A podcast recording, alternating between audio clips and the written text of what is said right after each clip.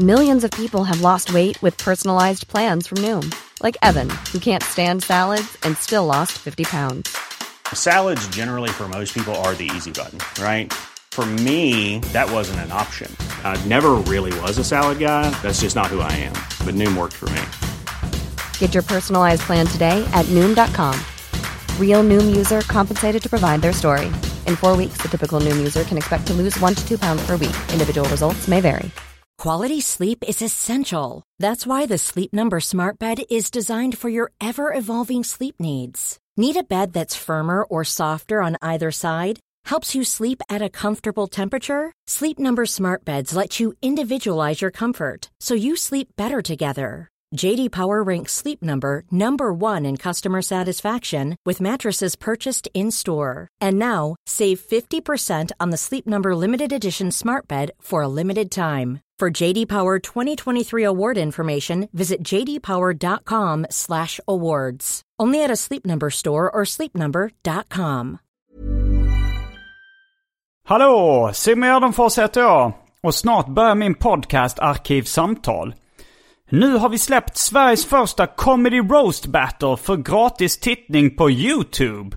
Det är jag och Anton Magnusson mot Ahmed Beran och Branne Pavlovic som möter varandra och säger fruktansvärda skämt om känsliga saker till varandra.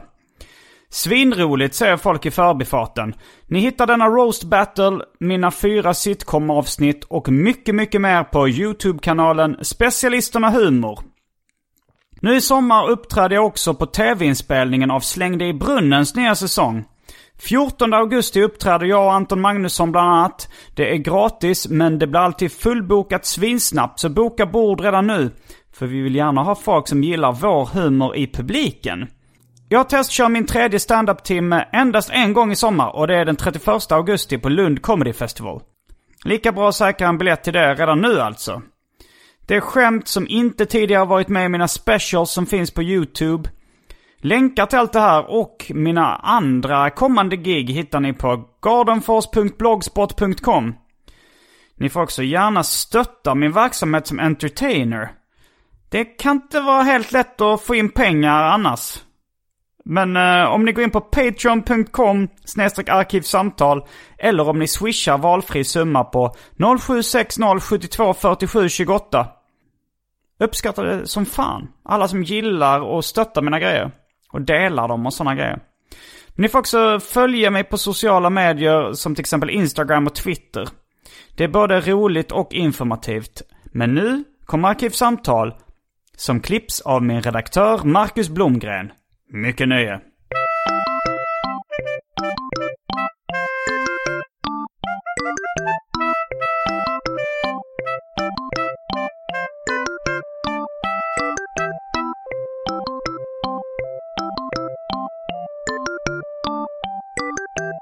Hej och välkomna till Arkivsamtal. Jag heter Simon Gärdenfors och mitt emot mig sitter Johan Andreasson. Det stämmer. Uh, har varit med, har varit gäst här för. Då pratade vi om uh, Shazam. Japp. Fenomenet. Uh, och idag så blir det en annan serierelaterad fenomen. Ett serierelaterat fenomen. Python. Ja, och där, där, var jag ju så att säga med, alltså Shazam och Captain Marvel, där är jag ju bara läsare och fan. Mm. Men Python var jag ju faktiskt med och, och gjorde då när den fanns i Sverige på 90-talet. Mm. Jag var med lite grann på Python och ganska mycket på sen spin-off-tidningen Megapython. Ja, Megapython minns jag ju väldigt väl när du och Mats Jonsson gjorde. Jag kommer däremot inte ihåg att dig från så att säga vanliga Python. Nej, där var jag bara med som tecknare en gång. Om jag, om jag inte minns fel. Och det var när David Liljemark eh, gjorde en OS-serie. Okej. Okay. Det, det, var någon så här... Eh, eh, OS-special där han låg liksom inte hade tid eller lust egentligen att göra det. Men Mats Jonsson som då var redaktör var desperat. Ah. Och David var tvungen att ta hjälp av liksom av, eh, av mig och Kalle Törn som han hade ganska nyligen lärt känna då. Okej, men nu, nu, nu inser jag att det här är lite efter min tid. För mm. att jag, jag medverkade från det att tidningen startade i Sverige 90 till ungefär 95 tror jag. Och den sista redaktören som jag minns är Martin Kellerman faktiskt. Som var Okej. redaktör för Pyton. Och då måste Mats ha kommit efter Martin då antar jag. Jag tänker vi nästan eh, ska ta allting från början. Ja. Men eh, innan dess så har det blivit dags för det omåttligt populära inslaget Välj drycken.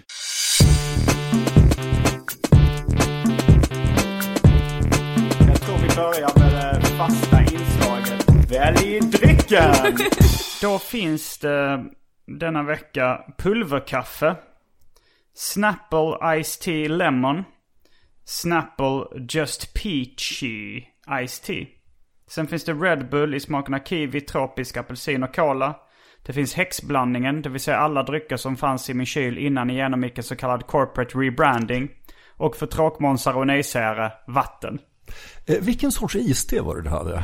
Eh, båda är då av märket Snapple. Ja. Och så finns det med smak av citron och det finns av per- med persika. Eh, citroniste för mig i så fall. Mm.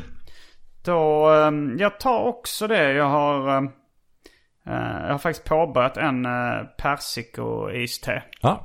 Men då är vi strax, eh, snart tillbaks med dryckerna kända från det omåttligt populära inslaget Välj drycken. Häng med! Ja,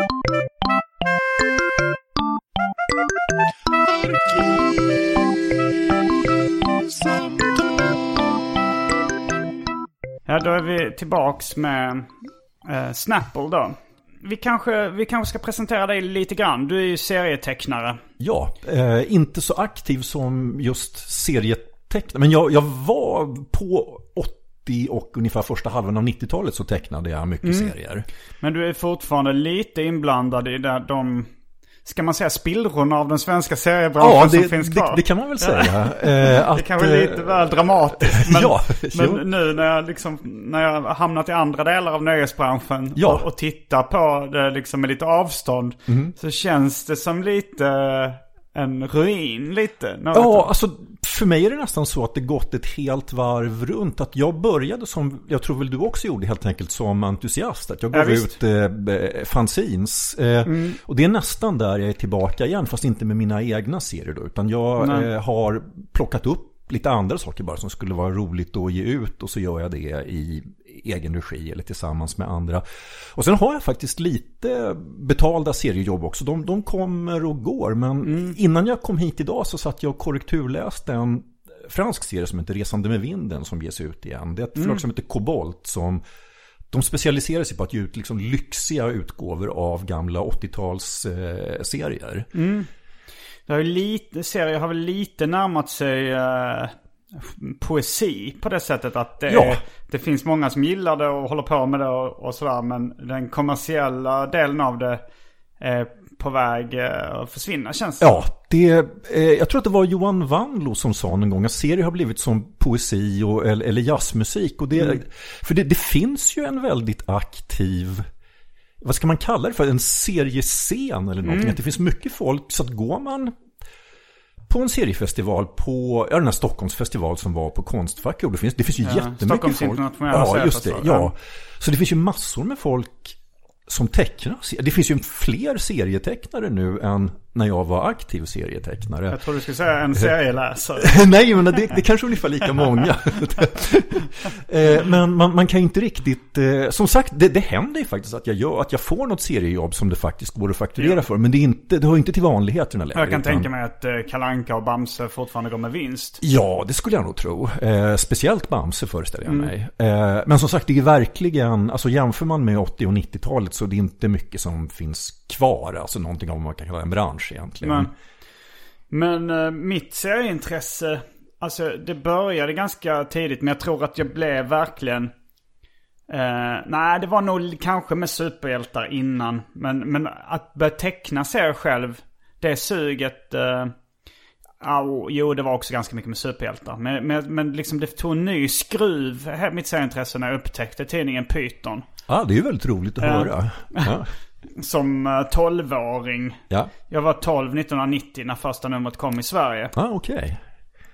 Den, har, den är, hade ju funnits i Norge då ett par år tidigare. Jag tror den började 86. Ja, det stämmer. 86 i Norge. Men, men jag, jag samlade på serietidningar. Jag hade kommit över någon form av eh, katalog där de värderade serier. Där det stod hur mycket de var värda. Just det, var det den här som hette seriekatalogen? Mm, det var det nog ja. Ja, Och den, den hade jag köpt när jag var i Stockholm tror jag. På någon Ja. serieaffär.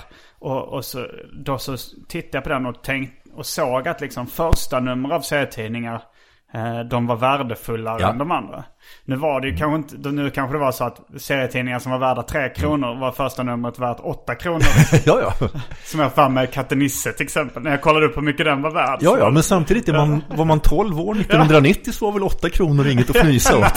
så, Så jag bestämde mig för att köpa alla första nummer av serietidningar som Ja. kom ut. ja. Eh, så då köpte jag liksom serietidningen Zoo när den, dess första Just kom det, ut. det, jag kommer faktiskt ihåg den. Eh, det var väl, var det inte mer bilder på gulliga djur än serier Det egentligen? var i det kanske. Jag Ja. kommer ihåg att det, det, den köpte jag bara av liksom som en investering. Ja, okej. Vilket inte har gett så mycket utdelning. Ja, fast alltså det är inte kört än. Det,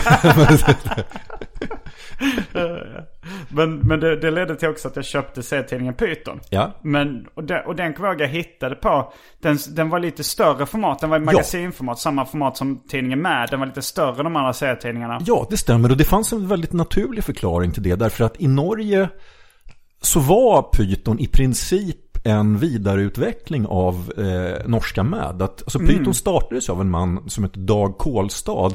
Och han var den som drog igång MAD i Norge. Och det gjorde han i början på 80-talet. Jag tror att det var 1981. Han- drog igång med i Norge. alltså, Ja, då. precis. Det var så han började. Och det var Och så han, sent för att svenska med fanns väl på 50-talet eller? alltså 1960 kom det första numret. Men alltså Ja, Norge, MAD, Norge ha- var, det, var lustigt på för att deras så att säga serieutgivning eller serietidningsutgivning ska vi säga, den kom Mm. igång mycket senare än i Sverige. Men, men det gjorde också att, för att redan i början på 90-talet så hade det ju börjat gå eh, lite knackigare för de svenska serieförlagen.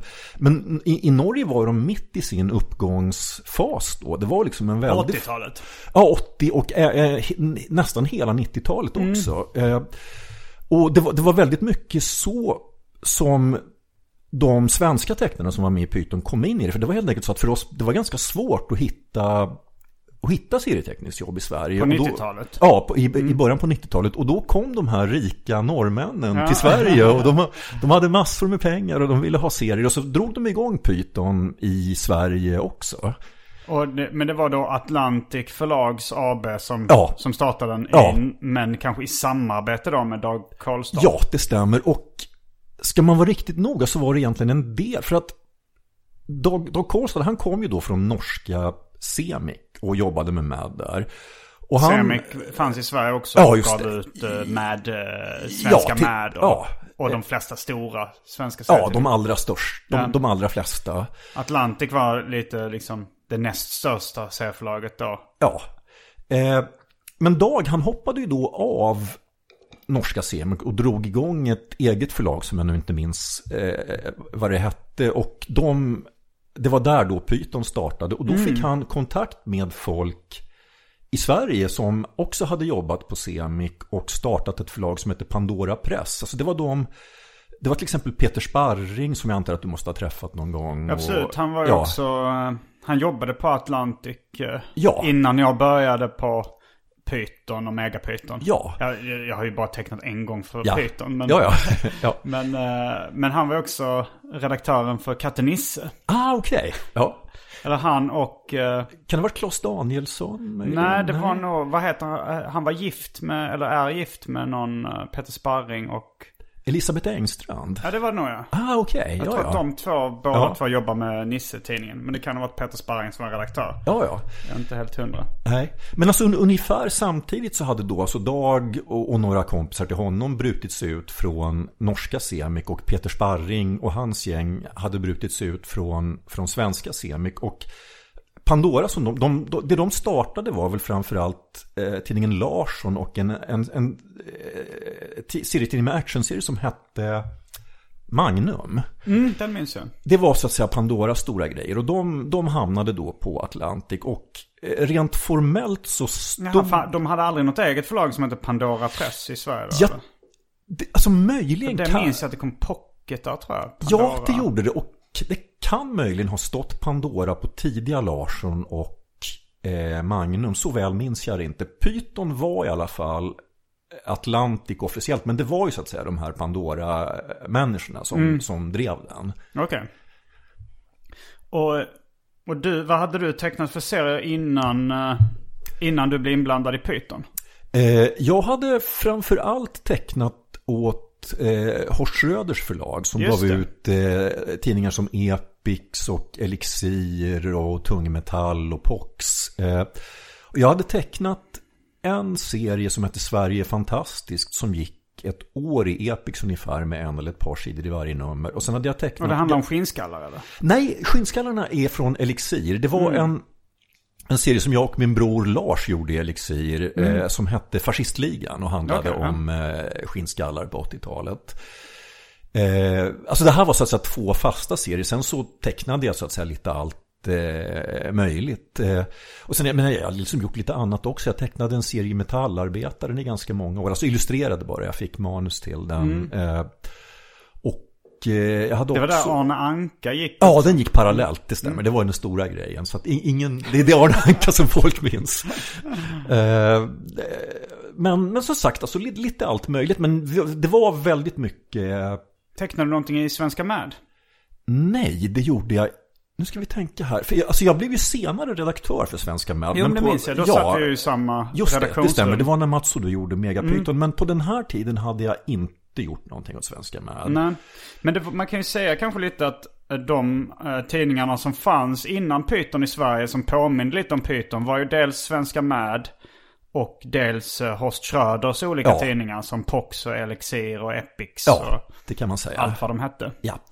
Och du jobbade ju då för den ena delen av dem. Ja, Och sen så kom det kanske vissa tecknare från Mad-hållet också som började jobba på Python. Ja. Kanske framförallt Alf Voxneröd. Ja, det stämmer. Han, han, kom, från, han kom från svenska med. Så att, alltså, man kan säga av de svenskar som började teckna åt Python så kom, om jag minns rätt, visst var det väl så att nummer ett av Python som du köpte hade ett omslag av Joakim Lindengren med Svullo på. Mm. Ja, det var Svullo och det var Kalle och Hobbe. Just det. Och jag vet inte om, om det var bara Lindengren. För Lindengren hade ju tecknat då en serie om Svullo. Just det. eh, Som jag inte tror han själv skrev manus Nej, till. det tror jag inte heller. Eh, men, och sen så var det någon annan serie av Kalle och Hobbe som nog var inte tecknad av Lindengren utan någon annan tecknare. Jag skulle gissa att det var en norsk serie, för de var väldigt pigga på Kalle och. Det var Ja, men nästan- jag tror de fick ja. problem med Kalle och Hobbe-parodin. Att de blev, fick något, uh,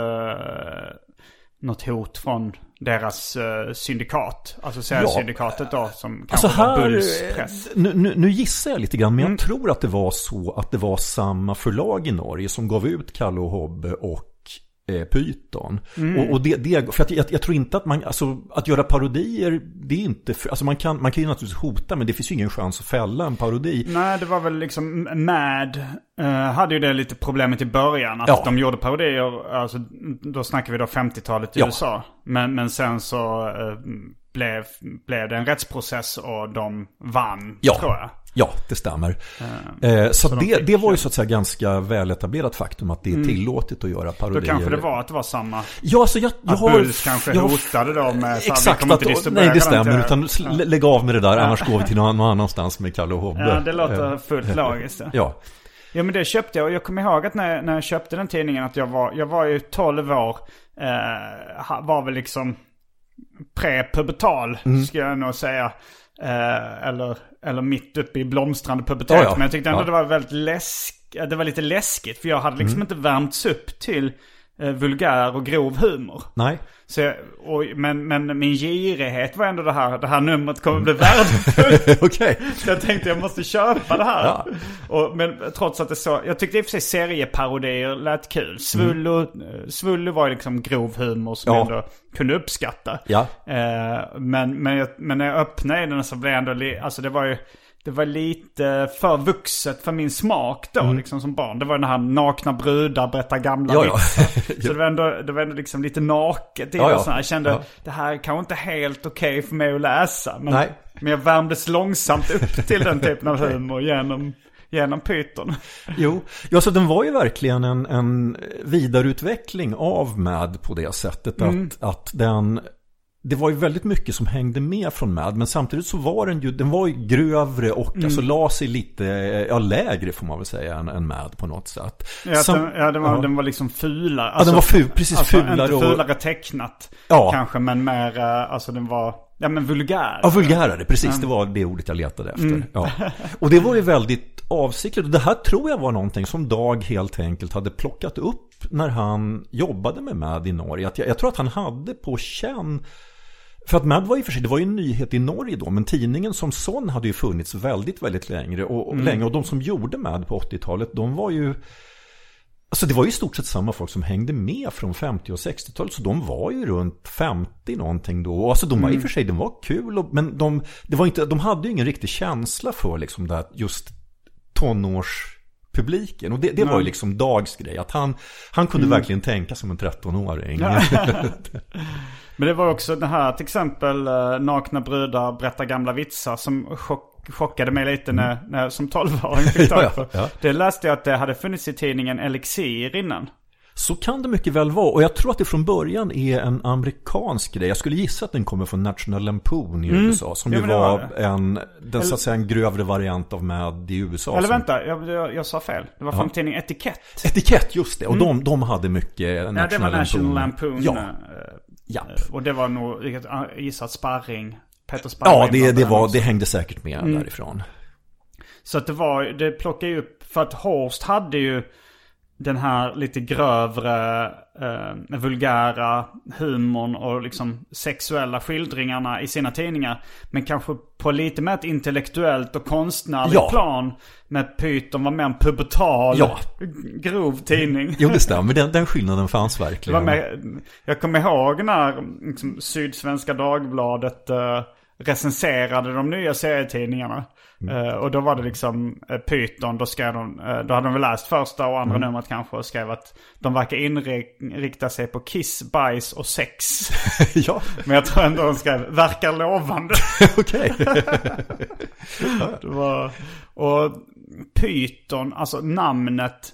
Jag tror att den recensenten i Sydsvenskan trodde då att det anspelar på Monty Python. Det, det var jag också alltid har trott. Jag har aldrig, faktiskt aldrig frågat Dag om det. Men Nej. min gissning är att, eh, att det är därifrån. Och sen, alltså du säger då att du liksom hajade till lite grann. Men alltså det var ju en helt annan sak. För att i, i Norge är, jag vet inte riktigt hur det är i Norge nu. Men i alla fall på den tiden så var man ju mycket, mycket känsligare för eh, grov humor. Och alltså anledningen till att jag tänker på och tror att det här kommer från Monty Python, det är att Monty Pythons Life of Brian, den filmen blev alltså totalförbjuden i Norge. Det fick Aha. inte visas på norska biografer. Okay. Så, att, så att Python hade mycket, alltså Monty det hade den där lite liksom förbjudna... Ja, det kanske hade den, den ordet kanske hade det liksom innebörden. Ja. Skulle det kunna vara på samma sätt som uh, flugigheten. Ja, alltså som, Povel Ramel. Povel Ramel pratar om flugigheten mm, efter ja. då filmen Den galopperande flugan. Mm. Som var något portalverk inom crazy humor. Ja. Det som på svenska kallas crazy humor. Jo. Eh, och då flugighet av Povel Ramel. Ja. Han, var, han ville ju ofta hitta på sina egna ord. Jo. Eh, men, men Python, jag tror också det kan komma av bara, för, på, för speciellt på 80-talet och kanske tidigt 90-tal. Då sa man ju Python lite som att någonting smakar pyton ja. eller luktar pyton. Ja. Jag kan tänka mig att man gjorde det i Norge också. Ja, att det, det, var, det var ju bara amen, att antyda någonting var vulgärt. Ja. Monty Python vet jag inte om det var en antydning på att alltså, pyton är giftigt eller så. Nej. Men, men för, för den hette i, i Finland så hette tidningen Myrki som då är betyder gift, ormgift tror jag, eller gift. Ja. Uh, så alltså det... Ja, det, det är mm. oklart om det har någonting med... Men jag tror de blir nog inte helt ledsna av associationen med Monty Python. Nej, nej, verkligen inte. För det var ju också, förutom då Kiss, Bajs och Sex så var det ju allmän crazy humor. Ja. Och, och ganska... Ja, det var väldigt tramsigt. Det... Ja, precis. Och den sidan, alltså sen, alltså de, de, från Monty Python, de kom ju från Oxford och Cambridge och var intellektuella. Mm. Men de körde ju en väldigt tramsig, och just den tramsiga sidan var ju det som de plockade upp i serietidningen Python då. Mm. Eh, Det var, inte, det var ingen sån här skämt med att folk tävlade om att skriva Charles Dickens romaner och sånt där som Nej. Monty Python kunde ha. Om det nu var så, så inspirerat av Monty Python, det vet man inte. Nej. Jag vet inte vad, vad, jag vet inte vad Dag Kolstad... Jag har träffat honom flera gånger. Mm. Men, men jag har inte någon koll på hans bakgrund. Om han kommer från liksom en intellektuell bakgrund eller om... Nej, det är min, nog min känsla att han inte gör. Därför att, alltså det, det var ju som, alltså jag tyckte du beskrev skillnaden mellan Horsts tidningar och Python väldigt bra. För att Horst kom ju verkligen från en in- intellektuell bakgrund. Han var ju doktor i litteraturhistoria. Men sen, han, han, han gillade ju grov och vulgär humor också. Men han liksom närmade sig det från ett akademiskt håll. Medan Dag Kolstad var, han, han var liksom mer en glad eh, tjomme på något sätt. Eh, och eh, alltså han jag vet faktiskt inte vad han gjorde innan han började jobba med, med serietidningar. Men han, han kom ju så att säga från norska eh, Semik då. Och hans grej var ju verkligen humortidningar. Eh, Jag tror inte han har hållit på någonting alls med typ något sånt där som superhjältar eller eh, ja. Och om han hade dragit igång idag så hade han väl startat kanske en stand-up-klubb eller någonting. Eller ja, eh, jag, tror inte det, han, det här med, alltså han var ju, för han gillade serier, han tyckte om liksom, han, han gillade teckningar, han var jätteintresserad av eh, just liksom hur, alltså han, han, han tecknade inte alls själv men han var liksom väldigt intresserad av det hantverksmässiga med teckningar och så. Däremot så tror jag inte att om han hade dragit igång, för att han, han ville verkligen nå mycket, alltså det här med liksom poesi, alltså serier som liksom för kännare och, och, och så här en införstådda, det var inte alls hans grej, utan han ville nå ut till en stor publik. Och, och Python var jättepopulär i Norge, alltså den sålde 30-40 000 ex per nummer. Det var, jag tror det gick rätt okej i Sverige också, men i Norge var den verkligen stor. Men jag för mig det var en rätt stor succé i Sverige. Det var, alltså speciellt Ja. i början så var det en snackis. Alla, Mm. efter ett tag, jag var väl eh, en av de första som köpte den i Ja. byn liksom. Ja. Mm. Och sen började folk hänga på och sa, ah, du, du har också läst den. Alltså det blev en, en, verkligen en, en snackis och liksom. Och sen, eh, sen liksom, när man kom upp i tonåren så kändes det som att de flesta, speciellt då killar, läste Mm. den. Ja, Eh, och kanske också de som var lite tuffare liksom. För den var ju, den var ju lite hård. ja det fanns väl ett sånt drag.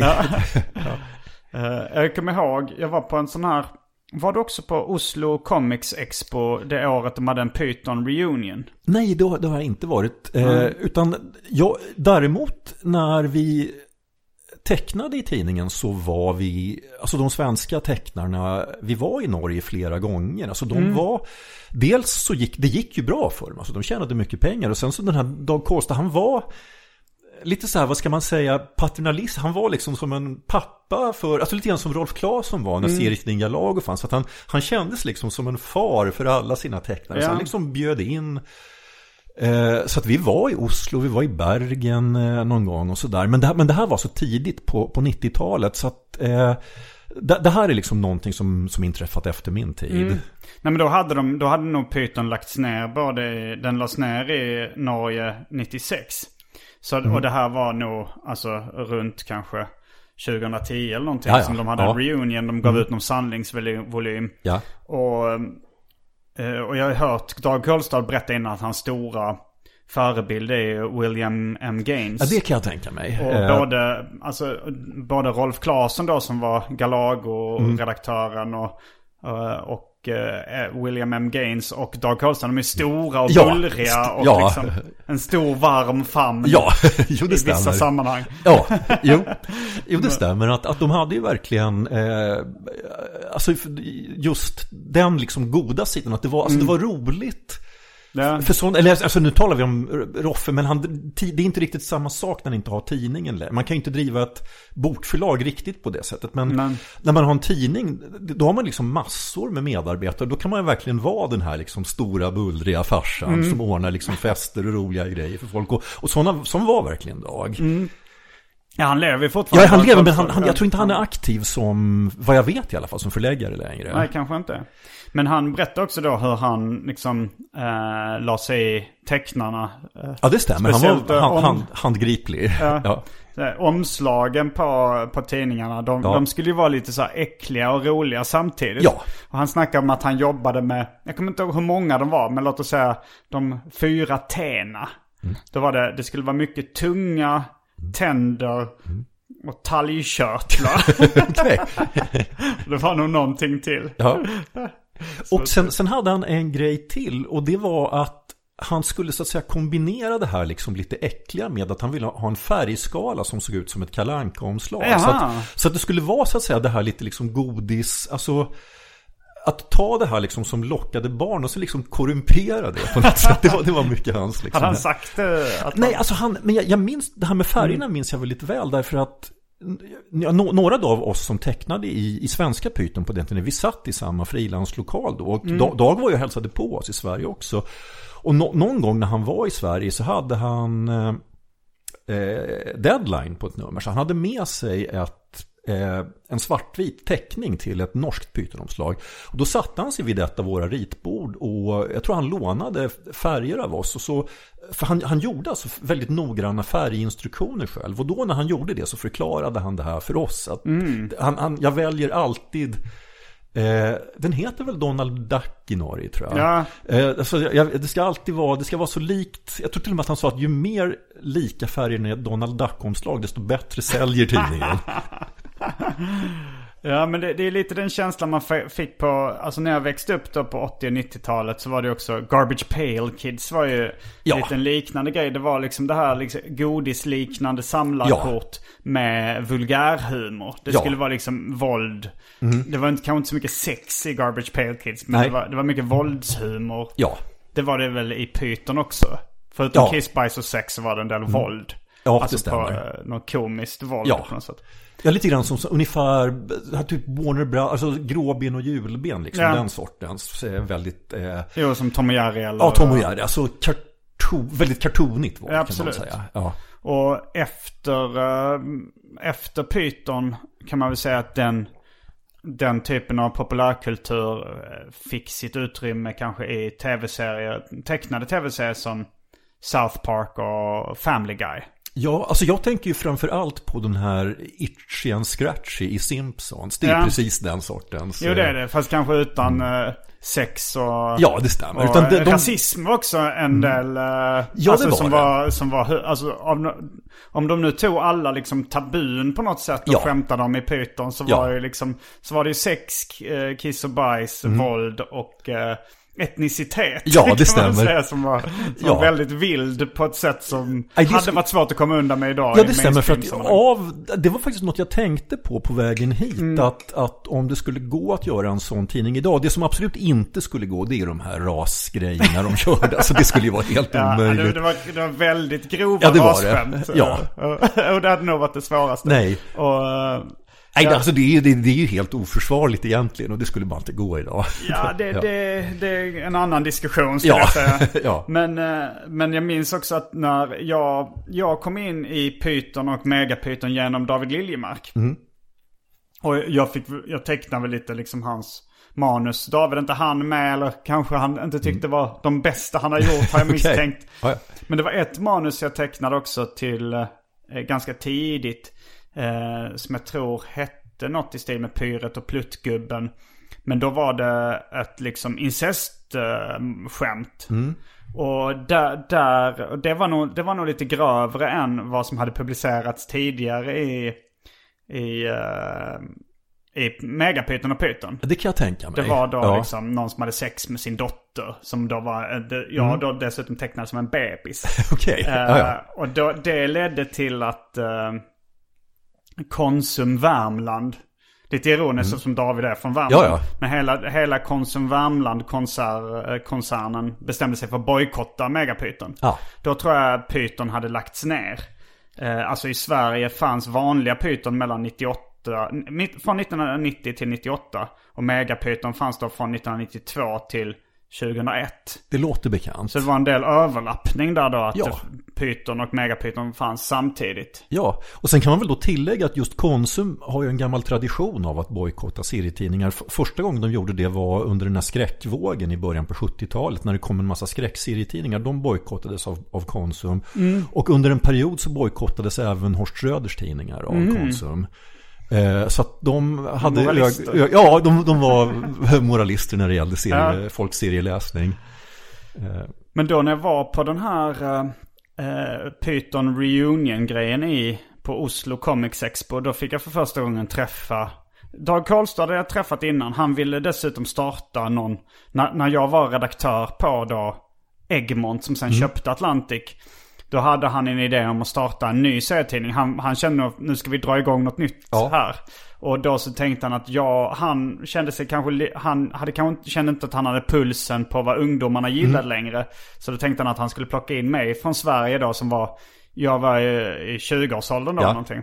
Och, men, men jag var fort, samtidigt var jag lite på väg att lämna eh, förlagsvärlden. Ja. Jag hade, jag hade jobbat länge på, jag hade jobbat rätt länge på eh, Egmont. Eh, Megapyton hade lagts ner, vilken jag tyckte var den roligaste att jobba med. Mm. Ja. Och, jag, och, jag hade liksom sparat ihop pengar och jobbat ihop en a-kasseperiod. Så jag tänkte Mm. nu kan jag teckna serier och, och hålla på med Las Palmas då, det eh, Just musikprojektet det, det stämmer. Och det, det höll väl du på med redan på när vi jobbade tillsammans? Va? Mm. För att jag har något minne av att jag var på någon, kan det ha varit en releasefest för en bok eller någonting? Där, vad hette den? Var det Kalle Törn som var Ja, den Kalle andra? Törn var andra halvan. Ja. Jag och han uppträdde till exempel på Mats Jonssons releasefest för serien Hey Princess. Det kan mycket väl ha var. varit den. Ja, där uppträdde vi. Och Ja. Mm. Vi var väldigt fulla då. Det var typ vår andra spelning. Okej, Och eh, ja. vi, vi kunde knappt genomföra giget för vi hade liksom en, Jag hade inte riktigt fattat att oj, man kan inte komma ihåg raptexter om man är full. Nej. Jag, jag hade liksom, jag, te- jag hade, hade inte fattat det. Jag hade väl druckit typ två öl på vårt första Mm. gig och tänkte det här gick jättebra. Det gick nästan bättre, man blev mer Ja, avslappnad. ja, ja. Men sen eh, så kom jag ihåg att du var där och, och jag, jag tyckte fan det här, var, det här blev dåligt. Jag glömde mina texter. Men du sa så här, ja men jag gillar den där. Det kändes som så här pubrock. där musikerna är lite förpackade för att kunna... Ja, ja. Nej, jag minns att jag tyckte det var kul. Men så, jag tänkte också bara spinna vidare på det här som du sa att Dag kontaktade dig därför att du var rätt ung. För så, det var verkligen en idé han hade med eh, när han, både när han gjorde Norska med och när han gjorde Python, att han, han kontaktade, han, speciellt då, norr, vi från Sverige var faktiskt lite äldre, vi var runt 30 då 1990, men de norska tecknarna var runt 20. Och han, vilket alltså det var säkert en bra tanke att han tänkte att de så att säga låg närmare liksom läsarnas det var naturligt för dem att, eh, så att de här norr, norrmännen då som gjorde Python, de var bara, de var kanske 5-6 år äldre än läsarna bara och hade liksom en väldigt naturlig eh, koppling till dem. Och sen, jag vet inte riktigt vad som hände om Dag själv tröttnade eller om det var så att liksom tecknarna på något sätt, för att tidningen höll bara så länge som han, han liksom tog fram en generation tecknare men det kom aldrig någon ny liksom. Det kom aldrig några nya yngre tecknare Nej. som tog över Python. Jag tror det var någon som tog över, han slutade som redaktör för Python eh, i Norge också innan. Ja. Och så var det någon som han tyckte liksom, tog, den som tog över skötte inte det så bra. Mm. Ja. Men, men han hade ju en idé då när, strax när jag var kanske, jag slutade när jag kanske var 23, 24. Mm. ja. Och då så försökte han starta någon ny humortidning. Som hette, skulle heta något i stil med Gorilla och någon som skulle, och mitt förslag på namnet. Han, Mm. hade, han hade en idé om att titlar, han sa, sa att Mm. han hade läst någonstans att titlar med O, eller namn med O i, ja, ja. sålde bättre. Okej, ja. Att det var som med Hollywoodstjärnor, det var som Ja. olika grejer. Så han ville ha något med O. Så, så kom vi, ja, mitt förslag var tobak. Att det skulle vara något som, Okej, ja. som så, kanske lite att det såldes i tobaksaffärer. Men Ja. också var något lite Jo. kul titel. Så vi, vi snackade om att starta en tidning som heter Tobak. Mm. Men jag tror, jag hoppade av hela förlagsbranschen innan de fick ut. Men de startade Ja. en tidning som heter Gorilla. Ja, den har jag för mig. Jag har faktiskt aldrig sett tidningen. Men jag har Johan minne av att, att den fanns, just det. Och sen så hade han väl en tidning i Norge som hette Geek också tror jag. Där Mm. han eh, liksom gick in för att göra någon sorts nörd. Alltså det fanns ju de här filmerna, alltså nördarnas... The, Revenge of the of the Nerds. Nerds. Alltså han, han Mm. skulle göra liksom en tidning. Och den har jag heller aldrig sett. Jag vet bara att den fanns. Jag vet Mm. inte riktigt vad den innehöll. Men han gjorde så att säga två försök efter Python med humortidningar som inget av dem tror jag gick speciellt bra. Men, One size fits all seemed like a good idea for clothes Nice dress. Uh, it's a it's a t-shirt. until you tried it on. Same goes for your healthcare. That's why United Healthcare offers a variety of flexible, budget friendly coverage for medical, vision, dental, and more. So, whether you're between jobs, coming off a parent's plan, or even missed open enrollment, you can find the plan that fits you best. Find out more about United Healthcare coverage at uh1.com. That's uh1.com. There's never been a faster or easier way to start your weight loss journey than with PlushCare. PlushCare accepts most insurance plans and gives you online access to board-certified physicians who can prescribe FDA-approved weight loss medications like Wigovi and Zepbound for those who qualify. Take charge of your health and speak with a board-certified physician about a weight loss plan that's right for you. Get started today at plushcare.com slash weight loss. That's plushcare.com slash weight loss. plushcare.com slash weight loss. This is Paige, the co-host of Giggly Squad, and I want to tell you about a company that I've been loving, Olive and June. Olive and June gives you everything that you need for a salon quality manicure in one box. And if you break it down, it really comes out to $2 a manicure, which is absolutely insane. It's also so easy to get salon worthy nails at home with Olive and June. The difference between how your nails used to look when you did them yourself and now with the Manny system is a complete game changer. The best thing about Olive and June too is it's a quick dry, dries in about one minute, lasts for five days, and full coverage in up to one to two coats. Visit oliveandjune.com slash perfect manny 20 for 20% off your first system. That's oliveandjune.com slash perfect manny 20 for 20% off your first system. Ja, Jag, jag märkte väl att eh, när, när de gjorde Gorilla kändes det som att okej nu hade han nog tappat lite uh, örat mot ungdomens eh, gata liksom. Eller, Ja. Eh, jag minns också en annan spin-off, eller inte en spin-off, en, en, mer en kopia på Python som, som Semic förlag startade. Som hette Svenska Pucko-magasinet. En Men var, var, det verkgen Semic? Jag, jag, jag hade för mig att det var Atlantic. Kan det varit Atlantic? Jag har för, jag, jag, jag, Alltså jag ska inte svära på det här. Jag att minns de, att de skulle starta en, ännu en... eh, jag, jag för mig då att jag tänkte att Atlantic hade Python. Ja. Och Semic ville då in på den marknaden också. Alltså den vulgära tonårshumor. Ja, för jag minns att tidningen fanns, men den kom väl bara med ett väldigt litet antal Ja. nummer va? Och jag tror det var, det var Semic. Men det, Okej, det ja, kan jag, vi- ska, jag ska inte svära på det här. Jag har inte... Det kanske Ja. till, för, för ointressant för att pausa och googla vilket Ja. förlag det var som gav ut Svenska Pucko-magasinet. Ja. Jag kan kolla upp det i efterhand. Ja, okej. Eh, men, eh, Mm. men det var ju... Och se- sen, ja men tidningen då, den fanns även i Danmark och Finland som vi nämnde ett tag. Ja, i Danmark gick det inte bra alls. Däremot Nej. i Finland... Sju blev- nummer i, i Danmark. Ja. eh, Finland var ju där de höll, lyxtidningen Myrke då, den höll Japp. på till 2008. Vilket var liksom sju år efter Ja, Megapyton lades ner i Sverige. ja det stämmer. det Så det var den, le- som längst, lång, mest långlivad där. Ja, jo, jo, i Finland blev den verkligen populär. Och alltså det ska jag också säga att när... Alltså det var en sak som var väldigt bra för oss som tecknade i tidningen att... För det, det normala var att det var den norska tidningen som beställde serier. Så alltså även av oss i Sverige så var det så att säga de som betalade grundarvodet. Men sen i och med att tidningen då ett tag fanns i... Den fanns ju länge i både Sverige och Finland och den fanns ett litet tag i Danmark. Så, och, och man, man fick ju så att säga betalt för de utgåvorna också. Så det, det gjorde att det var, speciellt om man jämför med hur det var idag, så var det rätt, rätt välbet. Alltså det här grundarvodet från Norge har jag för mig var 1400 norska kronor för en sida. Och det var ju så, norska kronor det var ju värda mycket mer än svenska kronor. Och sen fick man ju då inte liksom samma, utan det var ju kanske om det var halva eller något sånt där för de utländska. Men det, det blev ändå en rätt bra slant. Så att just de här pytonåren, det är den enda perioden i mitt liv när jag faktiskt har försörjt mig på att teckna serier. Mm, du försörjde dig som Python-tecknare. Ja, det kan man säga. Det är roligt. Ja.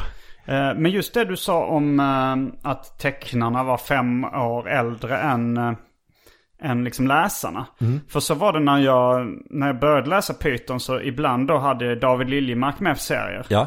Och, eh, och han blev, jag visste inte vem det var, men, eh, men han blev eh, något av en favorit för mig. Ja. Och han är ju bara fem år äldre än vad jag är. Ja.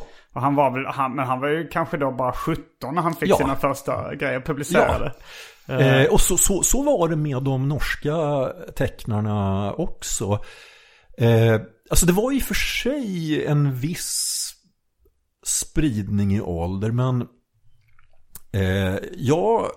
För att jag skrev inte speciellt mycket manus själv, utan jag fick i regel manus av andra. Jag, jag minns att jag fick en hel del manus av en kille i Norge som hette Tom Ostad som var skulle jag gissa, jag träffade honom några gånger. Han var nog ungefär 20 skulle jag föreställa mig. Okej.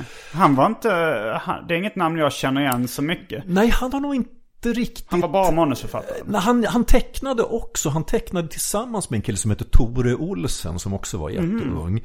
Och Vad fanns gjorde de för serier? Eh, de hade någon serie som hette Örn, Björn och Jörn. Eh, Ja, det har jag ett vagt minne. Ehm, och sen fanns det ju de som var lite äldre men verkligen inte mycket. Alltså den som är mest känd idag är väl Frode Överli som gör Pondus. Just det.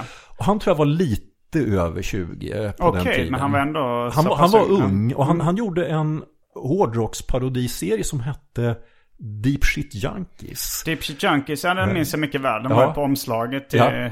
till Python. Ja, han var väl den De hade, det var då ett rockband Ja. som hade låttexter i stil med Kom hit om du pallar, jag ska krossa dina ballar.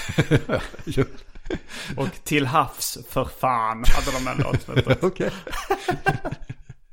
eh, och sen fanns det då ytterligare några... Den jag associerar, eh, en av dem som jag associerar mest med det norska Python-gänget är Tommy Sydsäter. Just det.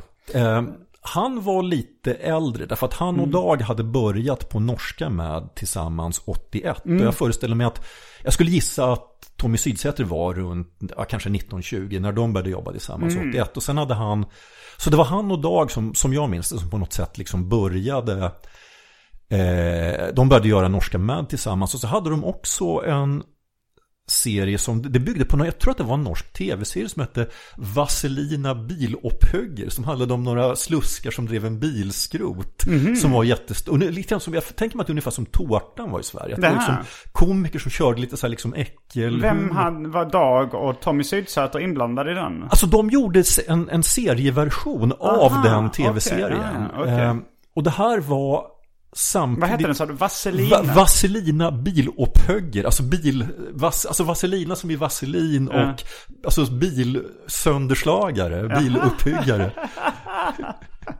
Och det var någon sån där liksom väldigt sluskiga raggare som drev en bilskrot. Det låter fantastiskt. Ja. Men jag träffade för honom Tommy Sydsäter då i, på den här Oslo Comics Expo, på den reunion. Han, han satt vid, eh, alltså det var väl så här, de hade någon panel där, eller panel.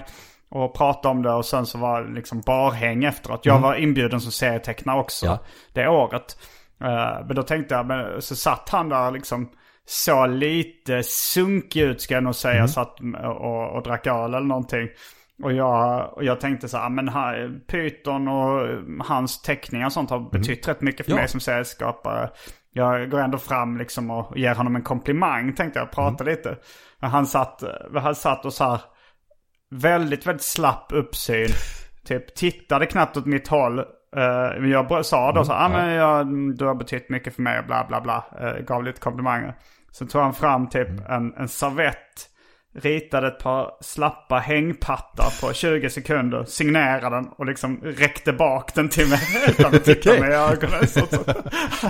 Så, han hade kvar där lite så här, lite divalater Ah. mot fans. Men okej, du får en slapp servett med några hängpattar och. Så De har sparat även om Ja, ja. det inte var världens vackraste teckning.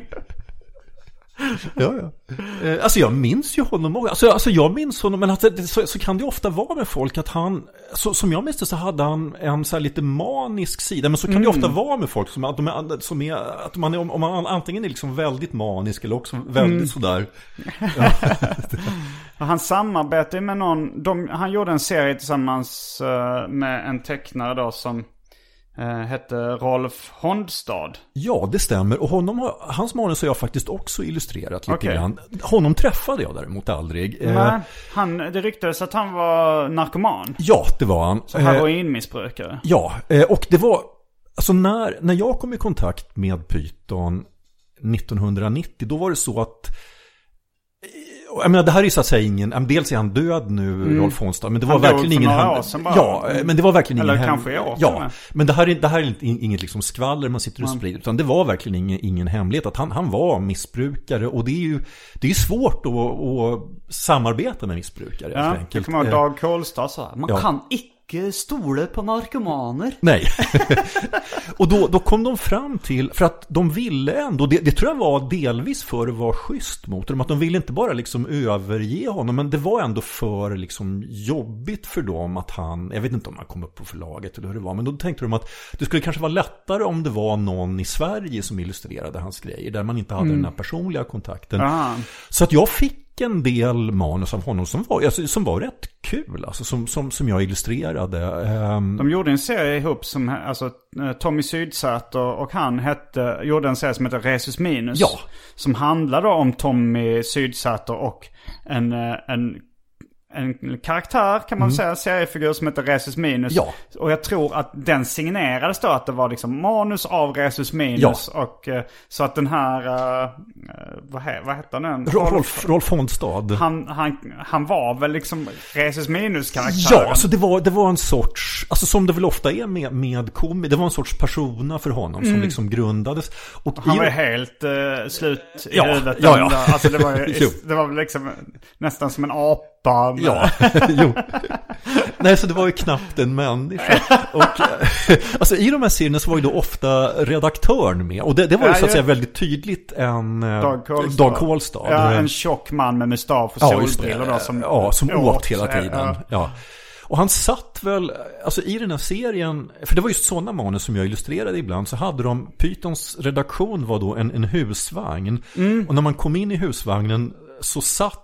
Eh, Det var det på riktigt eller? Nej, nej, det, Nej, i serien. Mm. det är i serien. Eh, och så satt redaktören med neddragna brallor på en toalettstol och åt samtidigt Mm. som han redigerade tidningen också. Men det var så här prakt, det var för jobbigt att bara liksom gå till toan. I och med att han åt hela tiden så var det, det var praktiskt. Han liksom satt på toan samtidigt så kunde han liksom multitaska. Jag för mig Mats Jonsson har berättat att uh, något år på Bokmässan i Göteborg så hade de med sig Python-husvagnen. Ja, det stämmer. Den stod byggt på liksom en- parkeringen.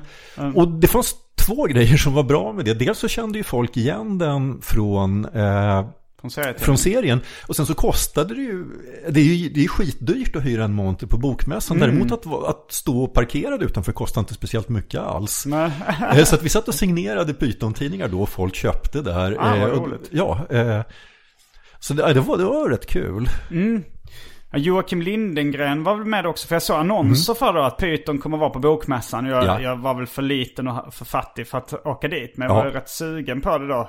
Och jag kommer ihåg då att Lindengren hade tecknat en annons också. Han Ja. blev också en, en favorit snabbt Ja. eh, för mig. Eh, han kom ju från Horst Schröders Ja, tidningar också. det stämmer. Han, han tecknade väl i Pox eh, framför allt. Mm. Och han hade ju den här serien som hette Svenska Småbils och Rusdrycksförbundet. Som Just helt enkelt byggde på honom och hans kompisar. Och den fortsatte han sen med i Python eh, under en period. Jag minns inte riktigt hur länge, men under ett par år så, så gick den i Python också. Så den, att- den, den kom, jag var stort fan av den och blev medlem i Ja. det förbu- Man kunde bli medlem i förbundet Ja. Mm. på riktigt. Det var rätt krångligt men det blev jag. Och sen, eh, sen många år senare när jag började med stand-up så, så började jag uppträda på Cantina Real i Stockholm. Det var några kompisar som hade en klubb som hette Anders och Nisse. Mm. Ja. Och då var det en, eh, en, eh, en man då. En något äldre man som, som DJ där som uh, kallades för Greven. Just det, som en kompis till som var figur i Ja, serien han var också, figur. va? Det, ja. det fick jag reda på många. Jag kopplade ihop det långt senare. För de sen bytte standupklubben namn till Greven Komedi. Mm. Och han uh, följde med till Scalateatern och han började dyka upp. Han var, var alltid, när jag, när jag har mina visningar av mina problem, min sitcom då, så dyker han alltid upp där. Mm. Ah, okej. Eh, Ja. Och sen när jag insåg att det var Greven i Svenska Småbil och Rusdrycksförbundet, det var ju ganska stort Mm. Ja, tyckte ja. jag. Och det var ju en av mina favoritserier i, då, i Python-tidningen. Ja, ja. Alltså, jag jag minns en rolig grej med, med just Joakim Lindengren och det var att när vi, när den svenska Python-tidningen hade kommit igång så bjöd de alla då, de, de svenska tecknarna som tecknade i Python eh, till, till Norge, alltså redaktionen. Så att vi var dels i Oslo och sen så åkte vi tåg. Vilka svenska tecknare var det då? Det var eh, Micke Gran, Alf Voxnerud Mikael och Gran har vi inte riktigt nämnt Nej, det innan. stämmer. För han, han var nog, han och Lindengren var nog de första svenska tecknarna som började teckna i Python. Båda de två hade tecknat för Horst Schröders tidningar Ja, det tidigare. stämmer. Och Micke Mick- Grahn Mick- hade också en bakgrund som experimentmusiker. Halvkokt i Ja, just det. Stämmer. Eh, så det håller han på med fort, kanske inte halvkort just, men han håller definitivt på med, med experimentell musik. Mm, de är väl konstprojekt också. Ja, just det. Och Micke gjorde en serie som hette Gemene Man Just det, i, det minns jag. i Python. Som han, man kan väl nästan säga att han... Den serie som han sen gjorde i Herman Hedning är ju en... Eh, det är nästan samma serie bara, att han har ändrat figuren lite grann. Men det, det är en, någon, någon sån här liten, väldigt elak, sadistisk eh, figur. Mm. Eh, men i alla fall, alltså på den här tågresan, jag tror det var när vi åkte Så tillbaka. var du, Micke Grahn, var det Lindengren? Och Alf Voxnerud. Okej, ja. eh, jag, jag minns faktiskt, nej jag tror inte David Liljemark var med för han kom nog med några år senare. Mm. Och de här norska tecknarna, förlaget fanns ju i Oslo, men sen var det två av tecknarna som bodde i Bergen och det var Frode Överli och Arild Mittun. Mm. Eh, och då på tågresan tillbaka från eh, Bergen till Oslo, då talade Joakim Lindgren om att nu är det cocktailtimme. Jag vet inte riktigt när den, den inträffar klockan 15 eller 17 eller någonting. Då hade han, 17 tror jag. 17. Då hade han med sig en termos med färdigblandade dry martini som han bjöd på. Det var första gången i mitt liv som jag drack en dry martini. Aha. Hur gammal var du? Eh, Då var jag 30 så det kan ju tyckas vara lite sent. Ja, det- jo, men jag, jag har hört rykten om den, att han hade en sån väska liksom Ja. med, med skumgummi. Så det fanns martiniglas och då martiniblandning Ja. i, i själva... Ja. Ja, det, det är imponerande. Ja, men det var, ju- det var ju många av liksom, eh, av tecknarna som... Eh, Martin Kellerman kan jag ha läst i Python första gången. Han tecknade även lite i Kamratposten och... Ja, och i Galago som jätteung. Ja, Eh, men, eh, men det var ju långt innan eh, han slog igenom med Rocky. ja. Och ja, vad finns med? Christian Walters gillar jag väldigt mycket. Christian B. Walters eh, som tecknar en serie som heter Pervokris. Just det. Och han kom från ett lite annat håll. För att de andra tecknarna var ju Många av dem var ju så här väldigt liksom snajdiga mm. tecknare. Han, han var en ganska primitiv tecknare, men jag minns dem som kul också. Alltså Ja. väldigt, väldigt, väldigt grov humor. Jag minns honom mer från Megapython än från Python. Alltså, jag, för jag minns att när Megapython då, eh, det, det, den kanske togs in eh, i Megapython innan. För jag tror inte jag läste med Walters och Pervokris i vanliga Python. Där kan jag ha fel. Men, eh, men det blev en favorit. Han var också, ja men, det, det var väl lite eh, nästan, alltså twistad självbiografi. För figuren hette då Chris. Ja. Som, jag trodde det hette Pervokris, som att han hade någon form av Kris. ja, ja. men sen fattade jag att det Ja, var Chris Christian, som Christian ja. Walters. Men, Eh, och som sagt, alltså för att han han kom, han bodde ute på Virsa någonstans, ett ställe som heter Odda, minns jag. För att de andra tecknarna var, alltså de flesta var från Oslo, och så var det de här två som var från Bergen, och sen så var det han, Walter, som kom från Odda. Och honom träffade jag nog bara jag minns faktiskt inte om han var med på, han bör ha varit med på den här resan, det kommer jag inte riktigt ihåg. Men sen så hade de en annan grej som de gjorde, eh, jag minns inte om det var varje år riktigt, men för att ett naturligt ställe att träffa om man har en tidning som kommer i Sverige och Norge, det, det är ju då, alltså ja, Värmland ligger ju väldigt nära. Och då fanns ju dessutom Reprostugan som gjorde all färgläggning. just det, vad hette den? Lasse? Lasse Hjärt. La- Ja. Eh, och de hade ett julbord varje år. Och då, det var en sån här liksom samlingspunkt då för de sven- svenska och norska tecknarna. Så jag minns väldigt tydligt att jag har träffat Walters på ett julbord eh, på, hos Reprostugan. Och även Bokmässan i Göteborg i och med att det är lite sådär halvvägs mellan eller blir folk förbannade i, om man, i, i Göteborg om man säger att det är halvvägs till Norge. Men det, det ändå liksom, det var, vi, ja, vi liksom från Stockholm kom dit och, och i regel så kom ett par av norrmännen till bokmässan också. Så där träffades vi. Ehm, Det är fan med att uh, Walters, uh, Mats Jonsson berättade att han hade uh, räddat Mats Jonsson från att få stryk vid något tillfälle. Okej. Eller rä- rä- räddat honom på något sätt. Eller om han var för full att han hjälpte honom hem. Det var någon, Ja. någon seriefestival någonstans. Uh, nej, men det var, sen så Edika gick i Python, Ja. eventuellt Megapython ett tag också. Den franske Just serieskaparen. det, det de, han kom ju från Horsts tidningar Ja, från början. Brök associerar jag honom. Jag Ja. upptäckte honom ganska mycket i serietidningen Brök. Ja. Som var då en Horst Schröder serietidning. Och även uh, Reiser, eller hur uttalas det? Ja, Reiser. ja, alltså det, franska namn är ju svåra. Ja. Eh, jag, jag, jag, jag har alltid, alltså, jag, jag antar att man ser typ Reser eller något så. Jag har alltid sagt Racer som det stavas. jo. och han, Han gjorde ju- en serie som heter Mannen med de stora kalsongerna. Ja, just det. Som Ja. också var lite så här primitivt tecknad Ja. och ga- ganska fulsnyggt på något sätt. Ja, eh. Med betoning på ordets första del. ja.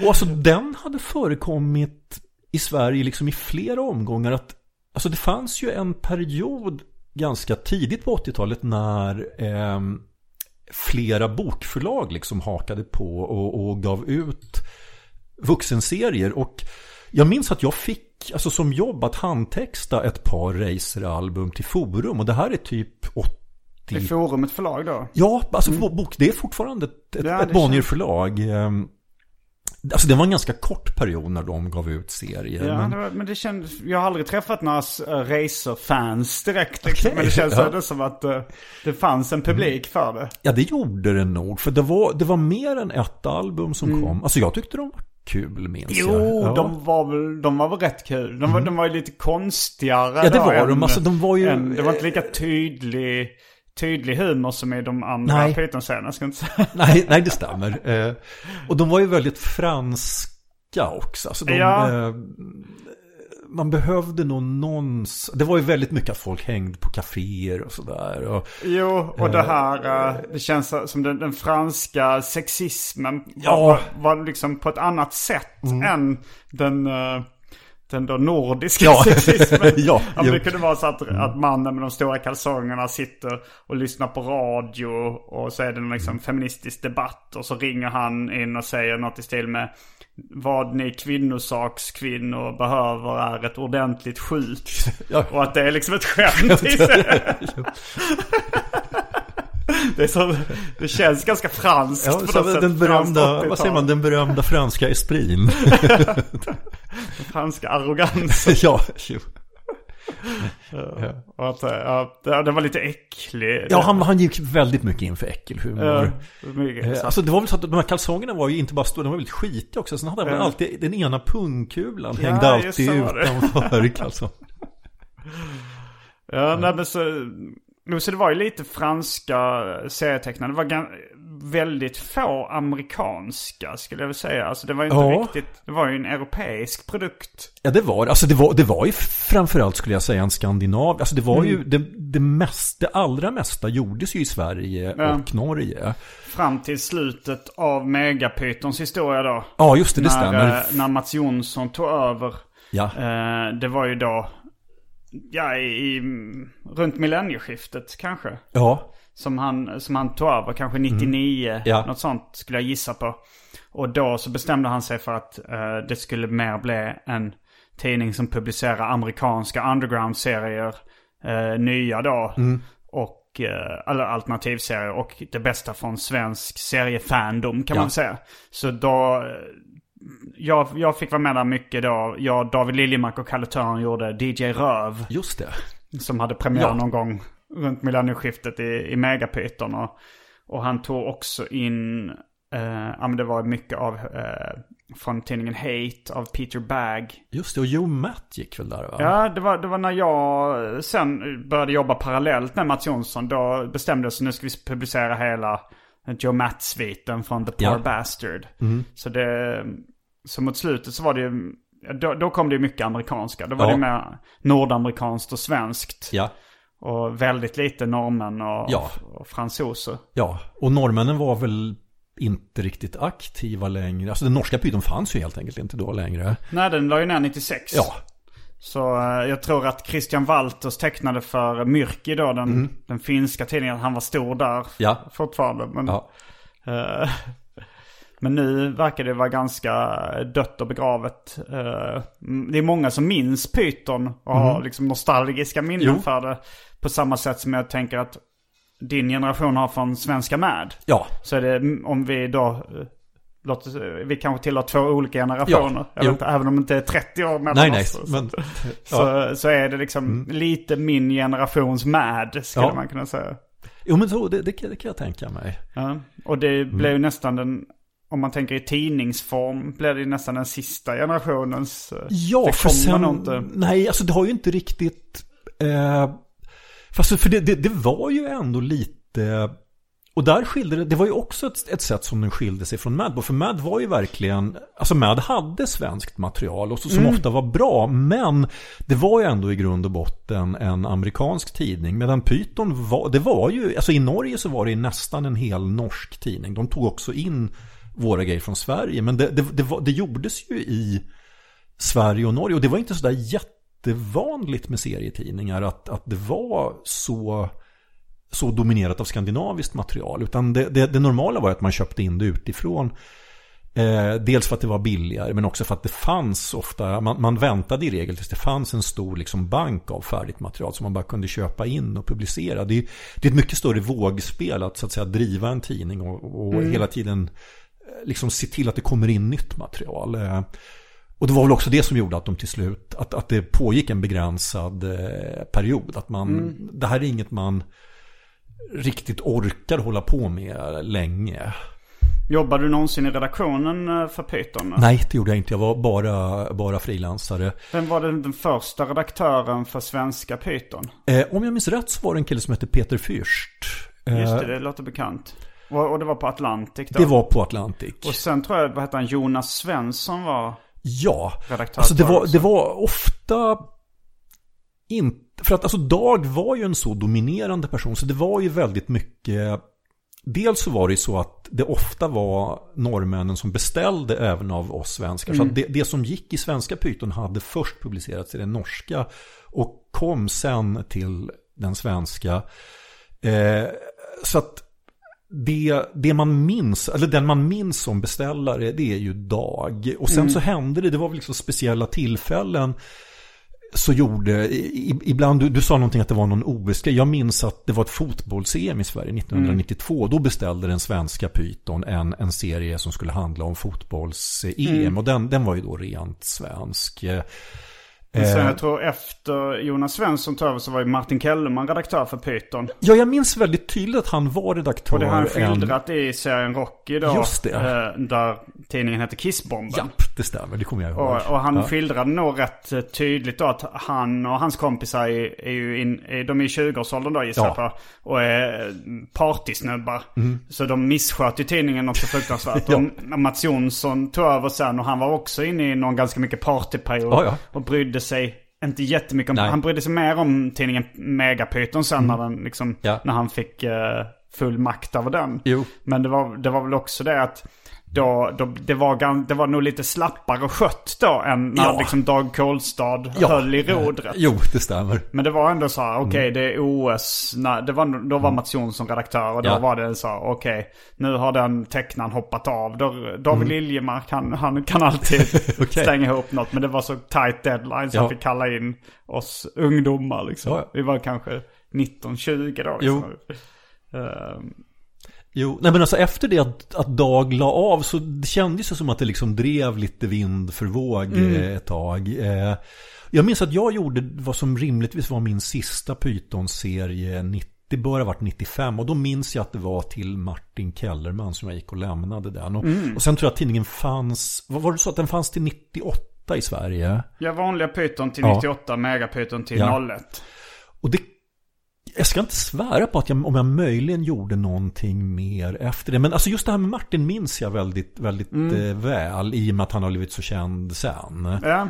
Ehm, Frågan är vad han, vad han, om han kommer att fortsätta i seriebranschen.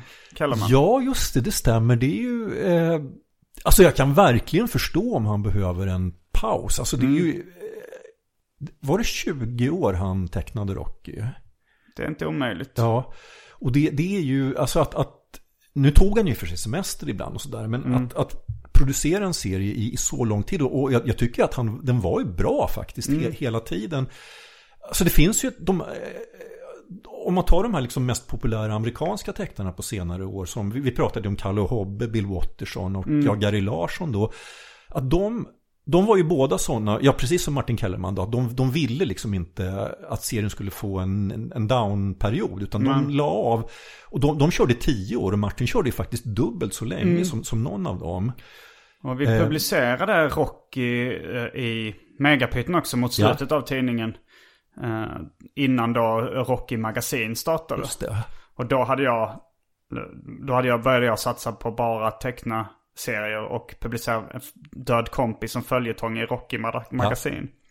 Ja. Men Ja men då, är det något vi har missat om Python eller ska vi börja avrunda det här samtalet? Jag tror nog folk, folk har nog fått det viktigaste. vi har skrapat lite på ytan. Ja, vi har skrapat lite på ytan. Ja. ja. Det, det, frågan är hur, hur de skulle stå sig för en omläsning idag. Alltså det hade alltså, varit där, intressant på något ja, sätt. Men... Eh, alltså sånt där är ju så otroligt svårt. Eh, alltså för, för min del så brukar det vara så att direkt efter att jag har gjort någonting så är jag i regel ganska missnöjd med det. Men när jag tittar på riktigt gamla grejer så tycker jag, fan det här var inte så dumt i alla fall. Nej. Men jag har faktiskt aldrig läst om Python. Så att jag, alltså, alltså en hel del skulle ju nog te sig rätt nattståndet nu. Samtidigt så fanns ju, det fanns ju en energi i det. Mm. Också. Alltså det var kul att läsa om de tidiga. Ja. Megapyton har jag gått tillbaka till ibland ja. och läst. Men så kul att läsa de riktigt tidiga numren av Python. Ja. Jag har ändå liksom en viss kärlek till dem. Jag ja. upptäckte när jag var 12. Medan, mm. eh, medan liksom Mats Jonsson och David Liljemark som är fem år äldre. Mm. Ja, de, de var lite mer av så här, ah, men det var, det var rätt dåligt det mesta ja. liksom. Att de gillar. De... Nej men de var lite för gamla helt enkelt. Mm. Man, man ska nog verkligen ha varit i precis rätt ålder. Mm. Eh, och, men som sagt, att, alltså min förhoppning är att om man eh, liksom läser det med ja, rätt inställning att mm. det skulle ändå finnas några försonande drag idag. och med de orden så avslutar vi veckans avsnitt av Arkivsamtal. Jag heter Simon Gärdenfors. Jag heter Johan Andreasson. Fullbordat samtal.